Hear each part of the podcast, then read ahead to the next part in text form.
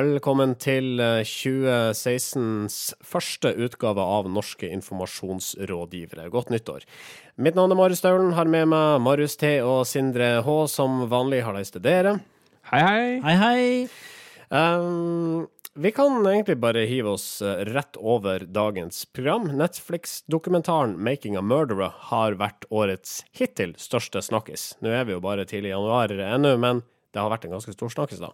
Både på sosiale medier, i mediene og ute blant folk. Ja, 'Making a Murderer' eh, tok opp veldig mye tid eh, for meg i romjula. Jeg så nesten hele de, eller alle ti episodene på rad og rekke uavbrutt. For jeg ble skikkelig fengsla av denne historien om Stephen Avery som bor på et bilopphuggeri og blir eh, feilaktig anklaga for voldtekt og må sitte inne i 15 år i fengsel. og og jaggu blir han ikke bura inn et par år etterpå for et drap han kanskje ikke har begått. Og det mest fascinerende med dette her er jo det som skjer etter at jeg er ferdig å se serien. For da går jeg inn på Twitter og ser at en haug med sånne Ghostsec og Anonymous-folk driver og leter fram bevis for at Stephen Avery og hans nevø, som også ble fengsla for dette drapet, da er uskyldig.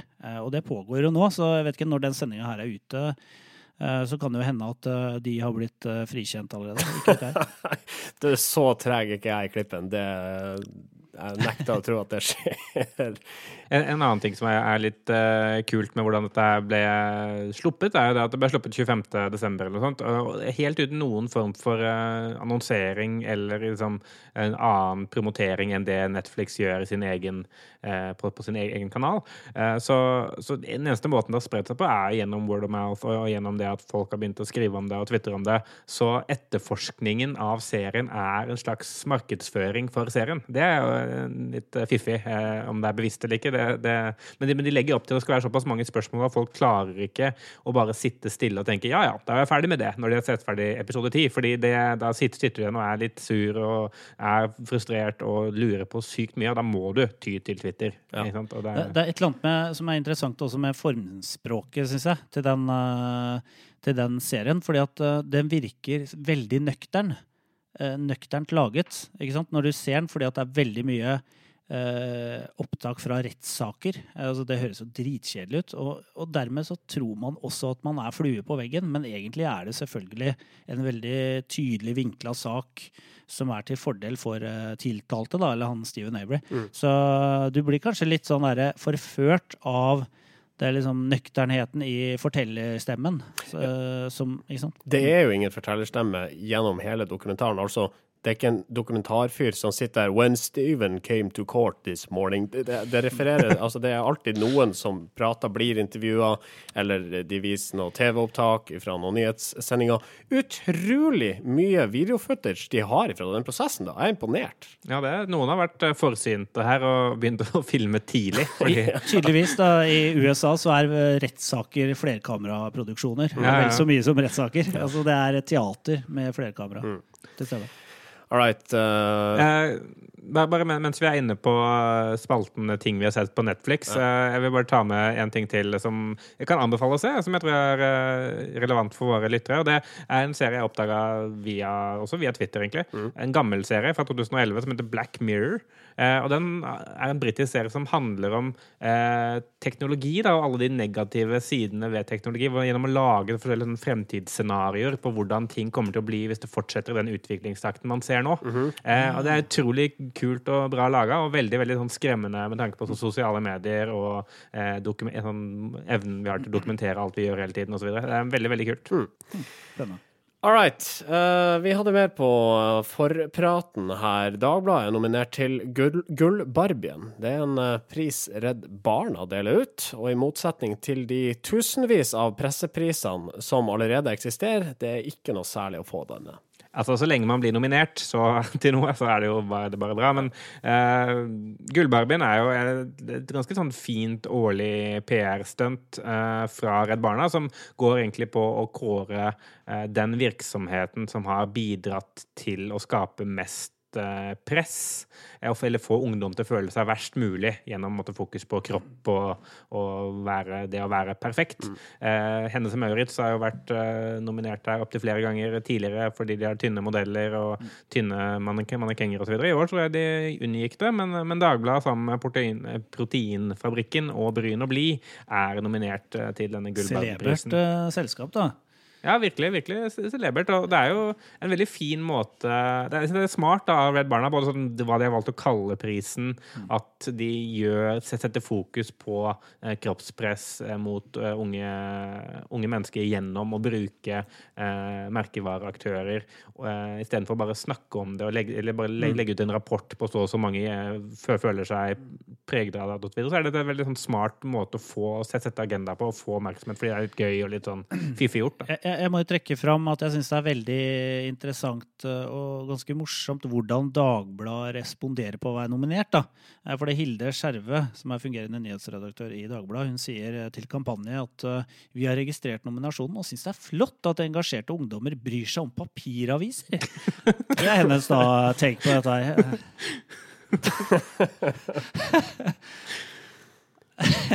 Kristian Kjelling, er han ferdig som modell i Brun og blid nå, eller? Ja, jeg tror det. altså. Han, øh, han skal jo bli håndballekspert på gikk TV 2. eh, jeg Eller nei, TV3. Jeg tror han, eh, han ble ikke ferdig før han selv måtte gå rundt til hver eneste Bru- Brun og Blid-butikk og rive ned disse på plakatene. Um, all right. Nei, men jeg tror vi tar oss og kjører i gang denne sendinga. Jeg har uh, tatt fram kalkulatoren i forkant av innspilling og kommet til at dette her er episode 135. Norske informasjonsrådgivere. 692 000 seere fikk med seg sesongpremiere av eh, Mammon her søndag kveld på NRK. Det er slett ikke så verst, det, men til sammenligning så 997 000 mennesker første episode i sesong 1 for to år siden. Har Mammon mista 30% av seerne? Ikke nødvendigvis, skriver Gard Michaelsen i Medier24. Han mener det er meningsløst å snakke om lineære eh, seertall i dag, all den tid disse tallene ikke tar høyde for alle dem som velger å se på TV på nett. Han mener det har skjedd veldig mye eh, på bare to år. Så han sier at det å sammenligne 2014 TV-tall med 2016 lineær TV-tall eh, blir liksom å sammenligne steinalderen med middelalderen. sier han. Jeg vet ikke helt hvordan man gjør det, men eh, jeg antar at det handler om at eh, det har skjedd veldig mye mellom de to tidsepokene. Eh, så han sier at eh, dette her ble jo, første episode ble sendt på, på en søndag, og da var veldig mange på vei tilbake fra eh, fra juleferie, eh, og, og ville da Og mange ville nok velge å streame dette på nett isteden. I tillegg så, så slapp jo NRK to episoder eh, på likt av Mammon. Eh, så, så det blir jo utfordrende for de her som skal sitte og telle seere, TRP-er og hva det nå heter, når NRK distribuerer innholdet sitt på den måten her, da. De har vel en tellemaskin. Ja, de har sannsynligvis en tellemaskin, men, men det er jo altså, når eh, sånn, Hele den eh, valutaen for eh, TV-markedet er er, veldig basert på hvor mange så på TV i går, ikke hvor mange har sett uh, sendingen eh, totalt sett. Og, det er kanskje ikke så relevant for liksom, annonsedelen av markedet, i og med at det går mellom programmene, men for sånn eh, produktplassering og alt, alt som handler om innhold i selve programmet, for sponsorplakat og sånn, så er dette litt, eh, litt en sånn interessant forskyvning. Og det er, ikke første gangen man har sett det heller. Sånn Unge lovende, som var en, en serie som NRK slapp i høst, i fjor høst, den, den også fikk jo sånn helt OK tall på TV, men der ble jo alt alle episodene sluppet samtidig på nett, og kunne etter hvert eh, stable opp ganske gode seertall på den, den serien. På noe som i utgangspunktet ikke så ut som var traff så sykt bra. Eh, og, og det er klart at eh, NRK eh, har jo den desidert beste nett-TV-tilbudet av alle norske aktører, eh, uten tvil. Eh, Og, det at de faktisk også jobber med den plattformen og tenker det som en egen publiseringsplattform, og ikke bare som en forlengelse eller sted å legge opptak av TV på. Det, det er jo veldig bra. Eh, men det er også, også kult å se en måte, de erfaringene de, de uh, trekker seg av. For de er så flinke til å dele tall rundt det, uh, og hvordan, hvordan det går. og Det syns jeg er veldig positivt. Er det, er, det, er det litt uh, som å sammenligne med papiraviser og digitale, eller nettaviser, dette her? Altså lineær-TV og, og, TV på nett. At man sitter litt på gjerdet og, og nøler litt med å utvikle en god nettløsning fordi man tjener så godt på lineær-TV-seeringa. Samtidig ser man NRK, det NRK gjør, og at det antageligvis skaffer deg flere seere. fordi TV-seingen er mer tilpassa brukerens uh, behov.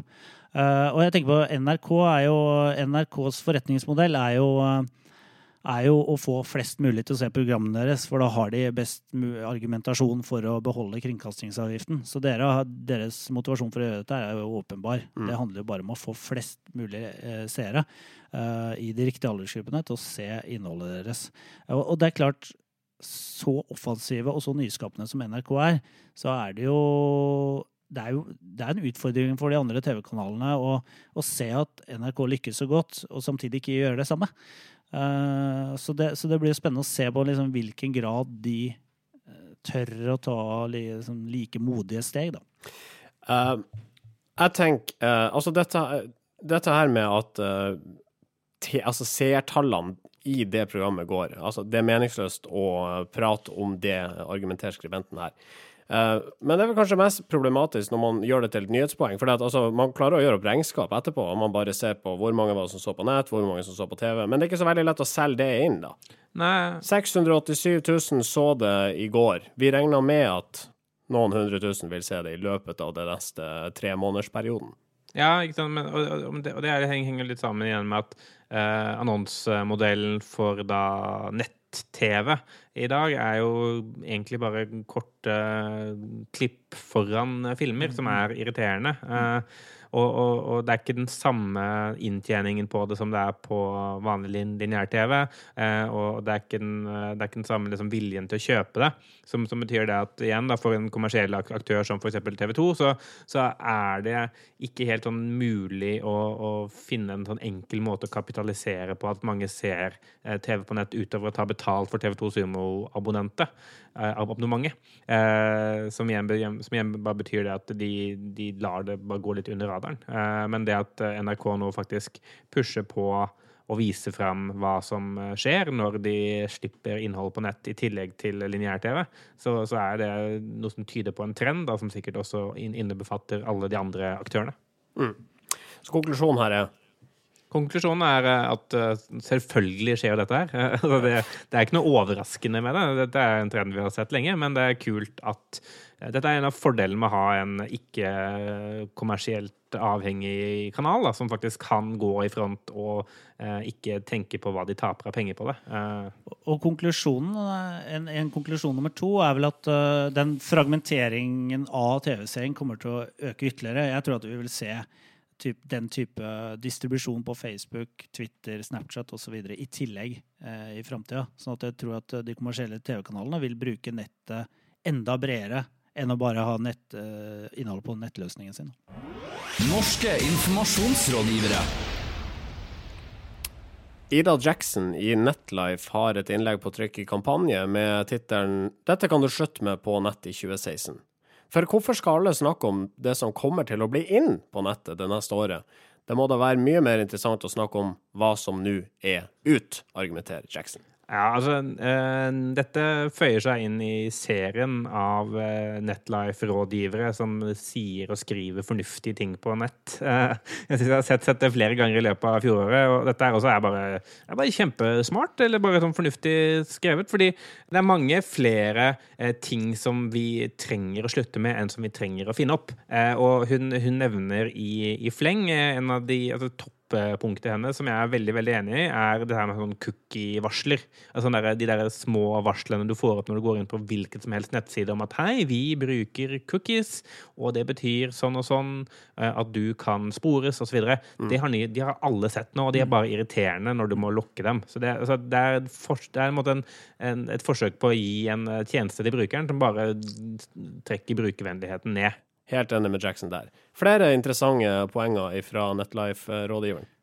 Ja, hun eh, Ida Jackson sier jo også at hun eh, mener at nå må vi slutte å bruke Facebook som et, eh, som et intranett. Det er jo derfor vi har fått Facebook at Work Zero også. eh, som jo er et, en nysatsing fra Facebook for å gi som noen norske, store norske virksomheter som har begynt å bruke som intranett allerede. Men hun sier at vi må slutte med å liksom, tro at at uh, kundene våre samarbeidspartnerne våre tror at det er spennende å se hva de ansatte holder med på jobb, uh, holder, holder på med. eh, Som å blåse opp ballonger og feire bursdagen til hverandre. Og jeg må jo si jeg følte meg litt sånn truffet akkurat der. Jeg husker jo den gangen vi jobba i PR-operatørene Allemann. også, mann. alle mann. Eh, Vi var jo veldig glad i å bruke Facebook til å vise innsiden, hvordan det står til på innsiden av PR-operatørene. Ja. Eh, Men så, så jeg er overhodet ikke enig i Ida Jackson der. Neida. Eh, Det kan hende hun har et godt poeng. Eh, Ja, hun har vel det. Altså, det men altså, det jo, altså, det er jo et budskap som her er forkledt, som har vært diskutert så mange ganger før. Slutt å servere drit til folk som følger deg. Ja, for jeg, jeg tror ikke, altså Problemet er ikke, at man legger ut trivielle ting på Facebook-siden sin. Problemet er at man har en Facebook-side. Altså, jeg, Som man må fylle, fordi man må man, fylle. har den siden. Altså, slutt med Facebook, da. Hvis du, altså, sånn, Legg ned siden, da. ja, men jeg, jeg, jeg, tenker sånn hva, Hvorfor er du der, da? Altså, Ja. Du, du svarer ikke de som skriver til deg. Du, du legger ikke ut bra ting. Og det er bare en byrde som går på rundgang som egentlig ingen vil gjøre. Slutt med Facebook. Ha et nettsted og en telefon hvor folk kan ringe. Det holder i massevis. Eller vær, ær, eller vær ærlig på at du ikke har noe å si, da, og post sånne ting som Ja, ellers, ja. Altså, det er, noe, det er noen Kaldt i dag, gutt. Været er ikke så gærent i dag heller, nei. Det er jo enkelte virksomheter som absolutt ikke bør være på Facebook. Nå skal ikke jeg trekke fram noen spes altså spesifikke Eller jeg kan jo trekke fram Dekksenteret Nesodden, da. Um, som 30. Ja, uh, melder at i dag så har vi åpent fra 10 til 16, og siste, dette er siste åpningsdag i 25. Altså, det er det er begrensa hvor mye interessant som kan komme fra det holdet. da. Ja, i, forlengelsen av det så kan også veldig mange slutte å snakke med og ikke til brukeren Ja. For jeg, det, så brukerne dine har ikke noe spennende å si. Altså, sånn, veldig veldig ofte så har de ingenting bra å si. Ja. Eh, noen få har brukere med masse bra å si. De kan gjerne fortsette med det, men resten kan slutte uten å ha dårlig samvittighet for det. det du trenger ikke å gjøre det. Ja, Ja, jeg- jeg altså, bare, bare se, se på oss, da. Vi er en kjempesuksess. Vi har aldri noe dialog med noen av lytterne våre. Altså. Vi snakker jo ned til folk hele tiden, eh, så det, det funker, det. Vi tuller bare, vi tuller bare. Men det er en interessant, uh, interessant og underholdende kommentar Ida Jackson uh, har levert, og den ligger altså på kampanje. Gutenberg, pergamentrull, Tresko, brevdue, elektronikk, fax, Nintendo 8-bit. CDR, Ja, jeg sender pressemeldingen på Telex. Sindres tidsmaskin.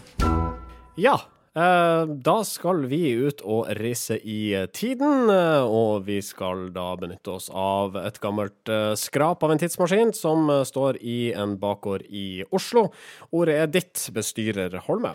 Ja, eh, hopp inn. Vi skal til eh, 1959. Det er året da Alaska blir USAs 49. stat. Fidel Castro blir statsminister på Cuba, og den første Barbie-dukken blir lagt ut eh, for salg, faktisk. Ja. Eh, vi skal holde oss i USA, eh, og eh, vi, du vet at januar er jo en tid på året, også i 1959, hvor mange ser fremover og ønsker å spå om fremtiden. Eh, og det gjelder også Arthur Summerfield, som er generalpostmester i USA. Litt av en tittel. Eh, På den tida der så var jo det å være postmester uh, ganske store saker. Godeste Arthur, han er en visjonær fyr. Han er oppsatt, opptatt av å reformere postvesenet i USA.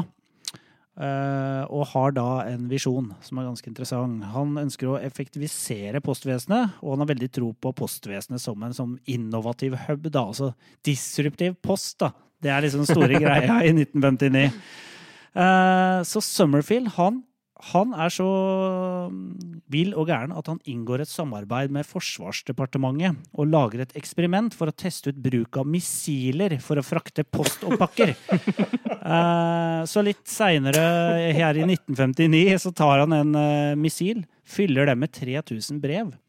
Sender den fra krigsskipet US Barbero og, og lander da denne missilen i Florida, 150 km unna. Eh, og han er så opprømt uh, og, og ser at dette var jo en vellykka faktisk eh, utskytning og landing, da. Så han uttaler Before man reaches the moon, your mail will be delivered within hours from New York to Australia by guided missiles. We stand on the threshold of rocket mail. Derav generalpostmester. Ja, riktig. Og som alle vet, ni år seinere så lander Neil Armstrong på månen, men eh, vi ser ikke så mye mer til disse her eh, eh, rakettpost... Hva skal jeg si, rørpostene, eller hva man skal Ja. kalle det. Missilpost. Missilpost. Ombæringen. Missilposten. Men, men altså, kommer vi til å le like mye av disse Amazon-dronene om 50 år? Det virker jo hakket mer realistisk, gjør det ikke det? Altså, vi kjenner droneteknologien i dag. Eh, ja, vi kjente jo missilteknologien. Ja. Men den er litt mindre effektiv, den dronen, fordi at den frakter jo bare én ting ting, én pakke. Ja, ja. Mens jeg skulle jo frakte 3000 brev. Jo, men jeg skjønner ikke hvordan altså, Skulle den da slå ned seg? Måtte folk komme dit og hente posten sin? da? Eller skulle den liksom Ja, altså de, ja, folk som måtte liksom eh, Mailbomb! Pick your own uh, mail. 640 mennesker mista livet da A-posten ble levert denne mandagen. Vi er jo veldig glad i visjonære folk, og folk som evner å tenke stort. Eh, Så eh, godeste Summerfield, han eh, må vi, men han må vi da forlate eh, i 1959. Men vi tar jo med oss inspirasjon til, eh, til vår neste startup, som kommer til å handle om noe sånt, tenker jeg. Norske informasjonsrådgivere. Det er du som utrydda den begalske tigeren, altså. Brukte du alle kommunens penger på PR-byrå? Flyttet du makt i favør av andre enn dine oppdragsgivere? Sendte du hatmail til innvandrere mens du satt i regjering? I regjering? Dette skal ikke skje. I forhold til det så legger jeg meg flat. Det var ikke meningen at du skulle finne ut det. Jeg legger meg flat. Nå ble det veldig mye negativ presse. Jeg legger meg flat.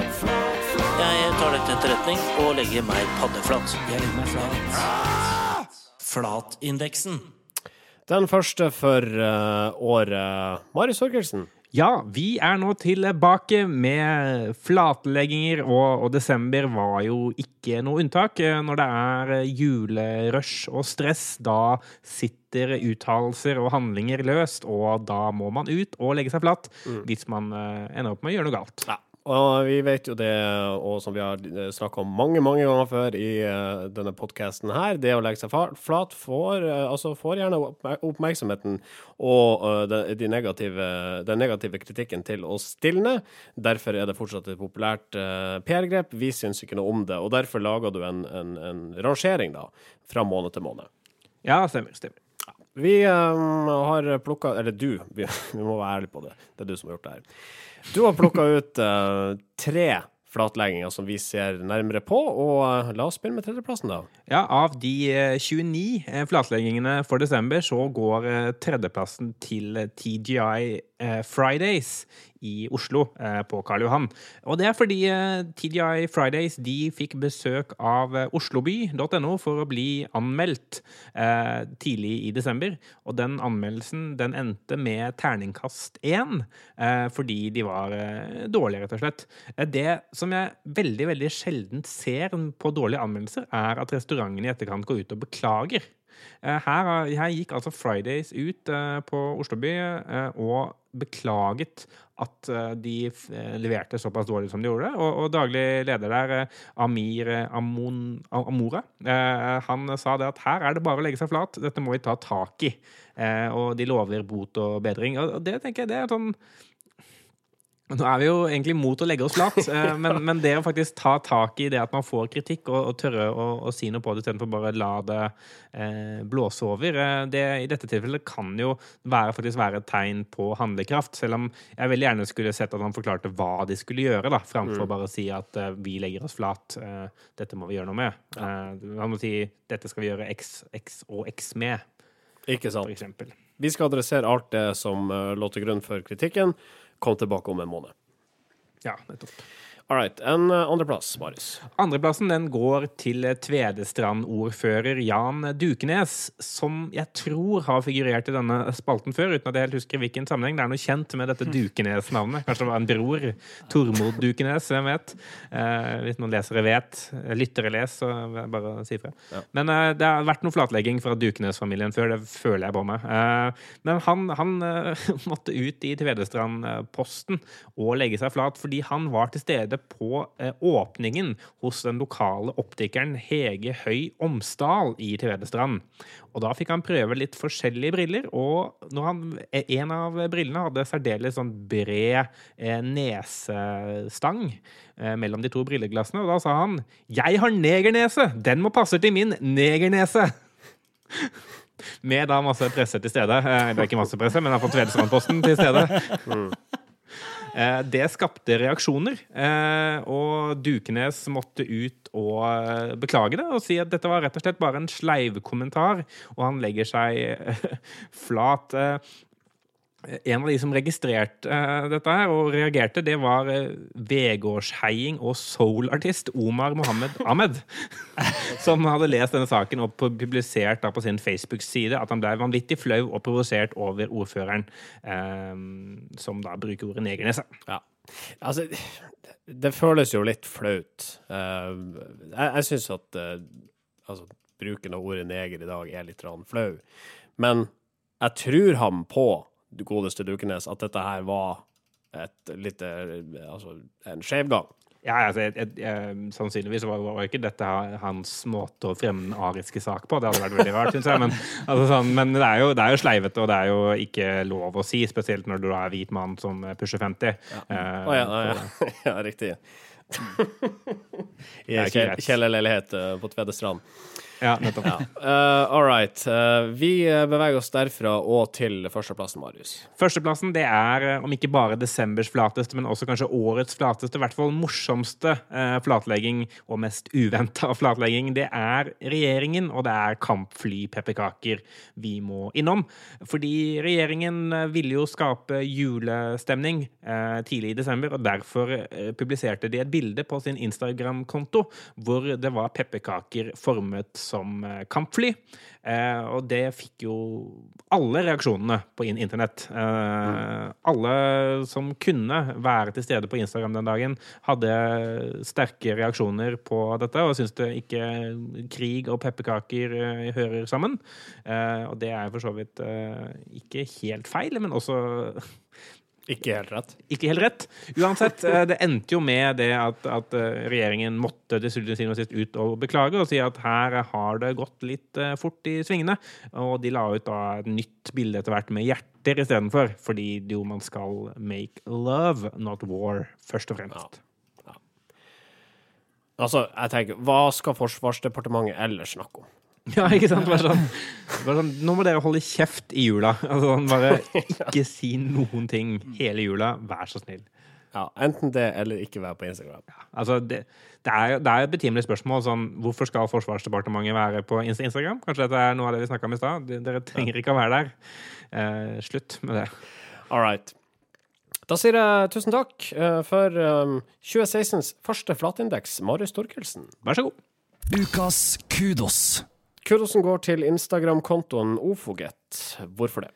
Det er en Instagram-konto, men også en, eh, en kar eh, som har klart å skape stor forvirring i, svenske, i det svenske folkhemmet, eller i hvert fall i borettslag eh, i, i Sverige. Fordi at eh, denne karen her har satt opp sånne nabovarsler i gangene i forskjellige boligblokker, der han eh, kommer med innrømmelser eh, som da skaper forvirring. Blant annet så skriver han eh, en, et nabovarsel. God morgen, slarvpelle. För drygt en vecka sedan hittade jag en burk utsökta apelsinpastiller i fickan på et par jeans når jeg som vanligt var i tvättstugan og provade era kläder.